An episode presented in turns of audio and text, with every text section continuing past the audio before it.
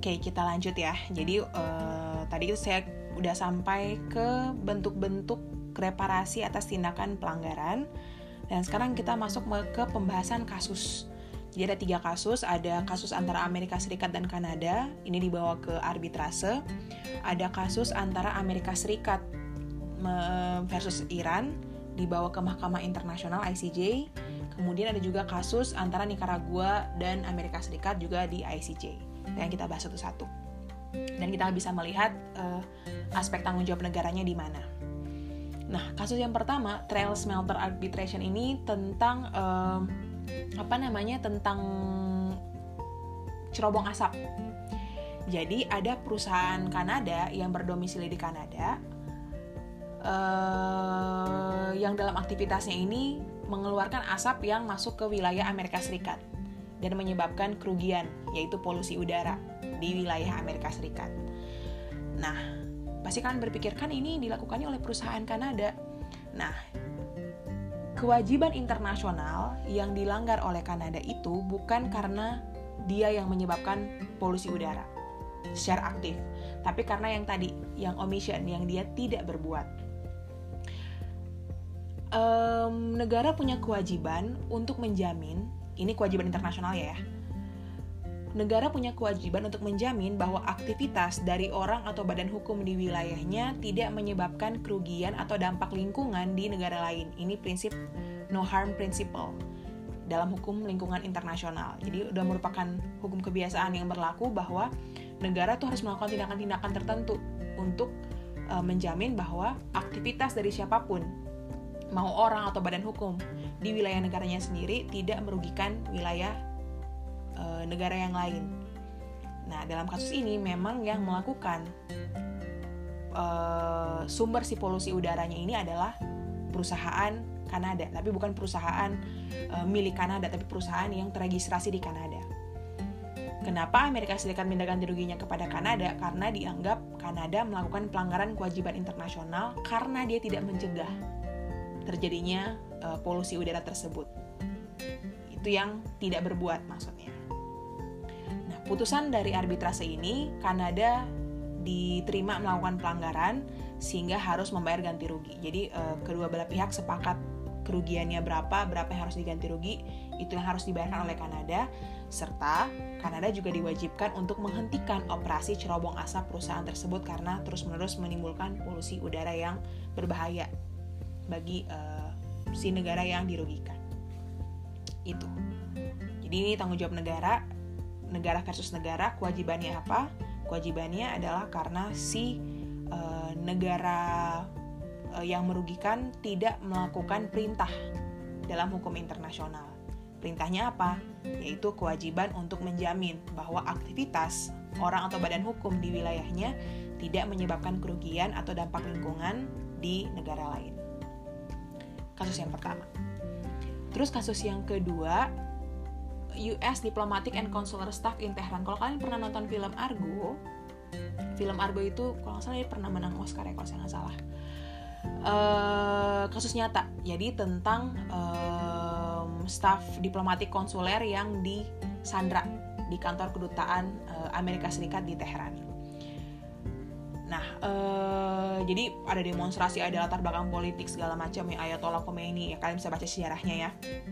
Yang kemudian menyebabkan masa ini uh, masuk ke kantor diplomatik dan konsuler Amerika Serikat di Tehran, di Iran. Nah, Amerika Serikat meminta ganti rugi kepada Iran karena staf kantor diplomatiknya tidak terlindungi. Jadi selain gedungnya dimasuki tanpa izin karena ada demonstrasi dan segala macam, staff-staffnya ini juga disandra pada waktu itu. Nah, kewajiban internasionalnya apa? Yaitu adanya inaction. Kewajiban, jadi dalam uh, hukum internasional, negara itu punya kewajiban untuk melindungi premis gedung tadi ya, udah sempat, uh, bukan tadi, uh, di minggu dua minggu lalu kita udah membahas mengenai uh, kekebalan diplomatik. Jadi ada kewajiban dalam um, perjanjian internasional, bahkan ini juga juga sebenarnya sudah merupakan hukum kebiasaan internasional bahkan kalaupun uh, salah satu antara Iran atau Amerika Serikat bukan merupakan pihak dalam konvensi Wina uh, tentang hubungan diplomatik atau hubungan konsuler, tapi Amerika dan Iran sudah juga punya perjanjian-perjanjian yang lebih khusus antara mereka berdua, perjanjian bilateral terkait perlindungan personel diplomatik dan konsuler. Dan kewajiban yang terkandung dalam perjanjian-perjanjian tersebut adalah kewajiban negara untuk melindungi premis serta staf perwakilan diplomatik dan konsuler yang ada di negaranya. Ini sudah merupakan suatu kewajiban yang harus dilakukan oleh uh, Iran, tapi tidak dilakukan. Makanya uh, apa namanya? si Amerika Serikat menuntut pertanggungjawaban dari Iran. Jadi kewajibannya dia diperintahkan untuk melindungi tapi tidak dilakukan. Makanya disebut inaction atau omisi. Putusan dari ICJ pada waktu itu Iran harus membebaskan staf yang disandra. Udah gitu stafnya harus dikembalikan ke Amerika Serikat. Premis yang pada waktu itu di, uh, premis yang pada waktu itu juga diduduki oleh masa harus dikembalikan kepada Amerika Serikat Kemudian staf tidak boleh dibawa ke persidangan baik sebagai tergugat ataupun saksi. Kemudian uh, ada bentuk reparasi yang ditentukan oleh pengadilan. Kalian bisa baca kasusnya ya. Nah dalam kasus ini sebagai pembalasan Amerika Serikat menghentikan kerjasama ekspor dan impor dengan Iran serta melakukan pemblokiran aset Iran. Jadi Amerika Serikat dan Iran itu punya kerjasama, punya hubungan hukum di bidang ekonomi Nah, tapi sebagai akibat dari uh, demonstrasi serta uh, apa namanya? pendudukan paksa kantor diplomatik konsulernya Amerika Serikat di Teheran serta uh, penyanderaan terhadap staf-staf diplomatik konsulernya, maka Amerika Serikat membalas tindakannya uh, yang terjadi di Iran tersebut dengan menghentikan kerjasama ekspor impor ini.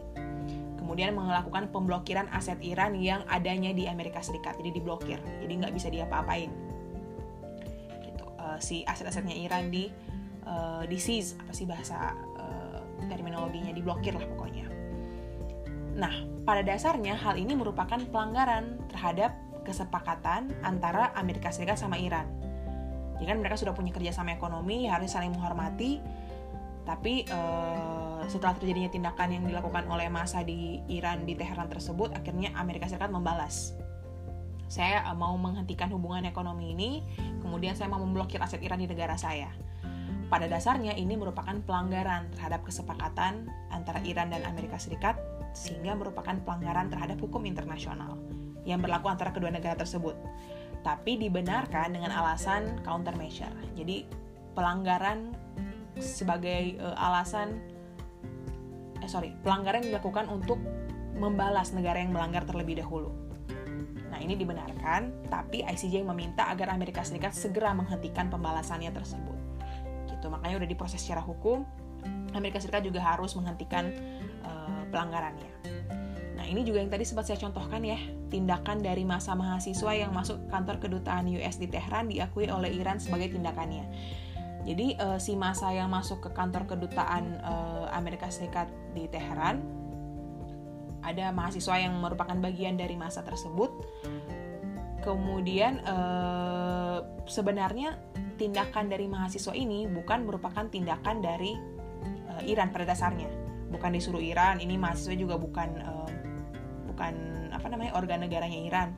Tapi kemudian Iran menyatakan bahwa dia mengakui tindakan dari mahasiswa yang melakukan apa namanya uh, pendudukan di kantor kedutaan US ini sebagai tindakannya dia sehingga bisa disebut sebagai tindakan dari negara Iran sendiri. Itu kasus yang kedua. Kemudian kasus yang ketiga ini kasus military and paramilitary activities in and against Nicaragua. Jadi pada waktu itu ada konflik antara Amerika Serikat dan e, Nicaragua. Nicaragua membawa kasus ke ICJ dengan klaim bahwa Amerika Serikat melakukan pelanggaran kewajiban internasional yang terkandung dalam piagam PBB dalam bentuk intervensi pemerintahan Nicaragua dengan cara kekerasan melalui kelompok oposisi di Nicaragua, Kontras. Jadi pada waktu itu ada konflik internal, ada perang sipil di dalam wilayah Nicaragua, tapi kemudian Amerika Serikat mengintervensi. Jadi eh, Amerika Serikat ikut campur dalam permasalahan internal dari Nicaragua. Ini satu sudah merupakan pelanggaran hukum internasional. Ada prinsip non intervensi dan yang kedua, Amerika Serikat melakukan itu melalui ada kelompok yang namanya kontras. Nah, tindakan yang dilakukan oleh kontras berdasarkan uh, kendali perintah dari Amerika Serikat itu banyak yang merugikan. uh, warga dan pemerintah Nicaragua serta bertentangan sama hukum humaniter. Jadi banyak tindakan-tindakan yang melanggar HAM, tindakan-tindakan kekerasan, tapi dilakukan oleh kontras berdasarkan kendali atau suruhan dari uh, Amerika Serikat. Jadi ada itu pelanggaran kewajiban internasionalnya. Nah, oleh ICJ, tindakan dari kontras meskipun dia bukan merupakan organ dari US, tapi tetap disebut sebagai tindakan US karena ada bukti, kendali, perintah, dukungan dari Amerika Serikat. Nah, itu tiga kasus yang bisa kalian uh, jadikan contoh ketika mempelajari tentang tanggung jawab negara. Pada intinya sebenarnya semua kasus yang dibawa ke ICJ, semua kasus yang dibawa ke pengadilan internasional itu esensinya adalah tanggung jawab negara. Karena yang bersengketa adalah negara dengan negara. Pasti ada kewajiban dalam suatu ketentuan perjanjian internasional kah atau dalam hukum internasional pada umumnya yang dilanggar oleh negara yang merugikan. Sehingga dibawa ke pengadilan, entah dibawa ke ICJ kah atau dibawa ke apa namanya? dibawa ke arbitrase. Arbitrase biasanya yang sifatnya lebih ekonomi ya itu tentang kasus-kasus tang tanggung jawab negara sehingga kalau uh, apa namanya uh, mempelajari tentang jawab negara kalian bisa membaca kasus-kasus yang uh, terjadi dalam hukum internasional kalian bisa lihat apa sih kewajiban internasional yang dilara, dilanggar bagaimana hakim memutus asesmen hakim itu seperti apa silahkan kalian cek baca-baca uh, kasus-kasus di ICJ saya sarankan karena lebih apa namanya ya lebih mendalam analisis mengenai hukum internasionalnya. Oke, kemudian di slide selanjutnya kita masuk ke penyelesaian sengketa internasional. Dalam pasal 2 ayat 3 Piagam PBB disebutkan bahwa all members shall settle their international disputes by peaceful means in such a manner that international peace and security and justice are not endangered. Jadi, ada kewajiban di dalam Piagam PBB pasal 2 paragraf 3 bahwa semua negara anggota harus menyelesaikan permasalahan internasionalnya dengan cara-cara damai yang tidak mengganggu keamanan dan perdamaian internasional, juga tidak mengganggu keadilan. Jadi negara-negara harus pada intinya harus menyelesaikan sengketa internasionalnya secara damai. Pasal 2 paragraf 4 juga tadi sempat saya sebutkan eh, di rekaman sebelumnya ya tentang uh, eh, self defense. Pada intinya negara-negara punya kewajiban untuk tidak menggunakan ancaman kekerasan bersenjata atau kekerasan bersenjata secara langsung terhadap e, keutuhan teritori atau kemerdekaan politik dari negara yang lain. Gitu. Jadi nggak boleh menggunakan ancaman, mengancam aja nggak boleh, apalagi melakukan secara langsung. Gitu. Sehingga kalau ada permasalahan diselesaikanlah secara damai metode penyelesaian sengketa secara damai itu di slide selanjutnya kita bisa lihat bisa melalui negosiasi. Jadi uh, ya diskusi lah antara para pihak yang bersengketa. Tapi ini berarti diskusi di luar pengadilan ya. Itu kemudian bisa juga melalui mediasi. Mediasi dan jasa baik ini maksudnya di antara pihak yang bersengketa ada penengah. Ada pihak yang memediasi, ada mediator. Atau ada pihak yang menawarkan jasa baik. Jasa baik ini biasanya kita menyebut untuk uh, apa namanya pejabat dalam organisasi internasional dia menawarkan bantuan untuk menjadi mediator. Gitu. nah jadi mediasi ini intinya diskusi tapi ada penengah. Kalau negosiasi ya langsung aja antara dua belah pihak yang bersengketa. Kemudian bisa melalui inquiry atau penyelidikan. Jadi dibentuklah si komisi penyelidikan atau fakta. Si komisi ini dia menyelidiki apa sih fakta-fakta kasusnya, terus kemudian diserahkanlah kepada si pihak yang bersengketa untuk dijadikan pertimbangan ketika menyelesaikan sengketa antara keduanya. Tapi ya hanya sampai kepada penyelidikan atau uh, fakta. Penyelidikan atas fakta maksudnya. Bisa juga menyelesaikan melalui PBB. Nah, tadi jasa baik Sekretaris Jenderal PBB ini sebenarnya jasa baik Sekretaris Jenderal PBB ya si Sekretaris Jenderal ini ya sebagai mediator antara pihak-pihak yang bersengketa. Dulu waktu kasus si Padan Ligitan, Sekretaris Jenderal PBB atau ASEAN ya saya lupa pernah menawarkan jasa baik uh, dan benar-benar melakukan uh, mediasi antara si Indonesia sama Malaysia tapi nggak berhasil. Makanya dibawa ke pengadilan. Bisa juga melalui rekomendasi Majelis Umum dan resolusi Dewan Keamanan. Jadi ada suatu mekanisme di mana di forum majelis umum atau di forum Dewan Keamanan dibahas mengenai suatu kasus, kemudian direkomendasikan.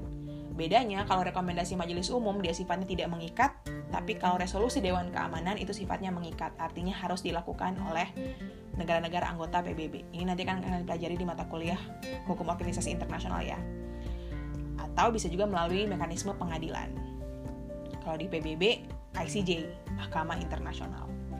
Kemudian ada juga metode yang namanya konsiliasi. Nah, perbedaannya dengan penyelidikan atau inquiry, kalau inquiry itu dia hanya menyelidiki fakta. Tapi kalau konsiliasi, dia selain dia menyelidiki menyelidiki fakta, dia juga menawarkan rekomendasi solusi. Tapi karena sifatnya hanya rekomendasi solusi, tidak mengikat. Jadi terserah si negara yang bersengketa mau mengikuti atau enggak rekomendasi dari si pihak ketiga yang melakukan konsiliasi ini. Gitu. Jadi uh, hanya dijadikan sebagai bahan pertimbangan sama seperti uh, laporan dari Komisi Penyelidikan Fakta. Terus kemudian penyelesaian sengketa regional. Jadi ada organisasi-organisasi regional tertentu yang dia punya lembaga untuk menyelesaikan sengketa regional. Uh, kalau ASEAN belum punya, Eropa dia punya. Eropa kan punya pengadilan European Court of Justice, dia punya European Court of Human Rights. Ini berlaku di negara-negara uh, apa namanya uh, Eropa Kemudian bisa juga melalui arbitrase, penyelesaian di luar peradilan umum. Ini uh, kurang lebih sama ya dengan apa namanya mekanisme arbitrase pada umumnya. Jadi yang menentukan arbiternya nanti sesuai para pihak dan seterusnya akan lebih mahal karena di luar pengadilan umum dan seterusnya. Nah, itu penyelesaian secara damai. Jadi penyelesaian secara damai bisa secara uh, diplomatis, yaitu yang tadi negosiasi, mediasi, penyelidikan, eh, jasa baik, rekomendasi Majelis Umum dan resolusi Dewan Keamanan, kemudian eh, apa namanya eh, melalui pengadilan, konsiliasi dan seterusnya, itu umumnya secara damai. meskipun resolusi Dewan Keamanan juga bisa jadi ada yang memerintahkan untuk menggunakan kekerasan bersenjata ya, tapi itu biasanya jarang terjadi. Nah, jadi umumnya ini secara damai, tapi ada e, keadaan di mana penyelesaian sengketa bisa dilakukan dengan cara kekerasan. Tapi ini juga harus ada syarat-syarat yang ditentukan dalam piagam PBB. E, sudah sempat kita bahas ketika membahas mengenai self defense. Nah, jadi e, dalam hukum internasional perang itu adalah sarana terakhir untuk menyelesaikan sengketa. Jadi kalau tidak sangat dibutuhkan, maka penyelesaian sengketa dilakukan dengan cara damai. Tapi kalaupun mau menyelesaikan sengketa dengan cara menggunakan kekerasan bersenjata, ketentuannya silahkan dibaca dalam pasal 51 Piagam PBB. Yaitu harus uh, memang benar-benar ada uh, armed attack, jadi ada si serangan yang duluan dilakukan, baru ada tindakan pembelaan diri yang harus mendapatkan persetujuan dari Dewan Keamanan dan uh, tindakan self defense ini berakhir ketika ada langkah dari uh, Dewan Keamanan untuk menyelesaikan uh, sengketa kekerasan tersebut. Kekerasan yang dimaksud ya kekerasan bersenjata armed attack. Nah, definisi armed attack juga nanti kan kalian pelajari di mata kuliah hukum humaniter kalau kalian tertarik untuk mempelajari lebih detail mengenai uh, perang antar negara. Oke, sampai di sini materi hari ini um, untuk tugas. Nah, untuk tugas kalian akan saya beri tugas untuk mengikuti kuliah online yang dilakukan oleh Fakultas Hukum Unpar bekerja sama dengan Kementerian Luar Negeri Republik Indonesia. Nah, pengumuman mengenai um, kuliah online tersebut akan saya cantumkan di dalam uh, portal silakan kalian bisa akses linknya lewat Google Meet. Kalau misalnya sudah tidak uh, apa namanya tidak cukup kuota untuk Google Meet, kalian bisa menonton di YouTube Live ada uh, linknya. Nanti sila, uh, silakan kalian lihat pengumuman yang akan saya sampaikan. Dan tugas kalian yang pertama selain mengikuti kuliah uh, webinar tersebut, yang kedua kalian membuat ringkasan materi yang disampaikan di dalam um, webinar tersebut. Oh ya, webinar tersebut judulnya adalah uh, Hukum Internasional dalam Kehidupan Sehari-hari. Uh, akan dilakukan pada tanggal 12 Mei ya, kalau saya tidak salah nanti ada pengumumannya. Kemudian pembicaranya adalah uh, Bapak Damos. Beliau merupakan uh, salah satu pejabat di Kementerian Luar Negeri kita dan uh, cukup sering memberikan materi di Fakultas Hukum Unpar. Tugas kalian, jadi sekali lagi yang pertama untuk mengikuti webinarnya dan yang kedua untuk membuat ringkasan materi yang disampaikan dalam webinar tersebut. Format ringkasannya juga akan saya sampaikan di dalam portal, silahkan kalian uh, baca kalau ada pertanyaan mengenai materi hari ini serta materi mengenai tugas, silahkan disampaikan baik melalui chat ide ataupun melalui email. Saya akan berusaha untuk membalas dengan segera. Oke, sampai di sini kuliah kita. Tetap jaga kesehatan dan um, sampai bertemu di pertemuan selanjutnya. Minggu terakhir kuliah minggu depan ya. Oke, sampai bertemu minggu depan.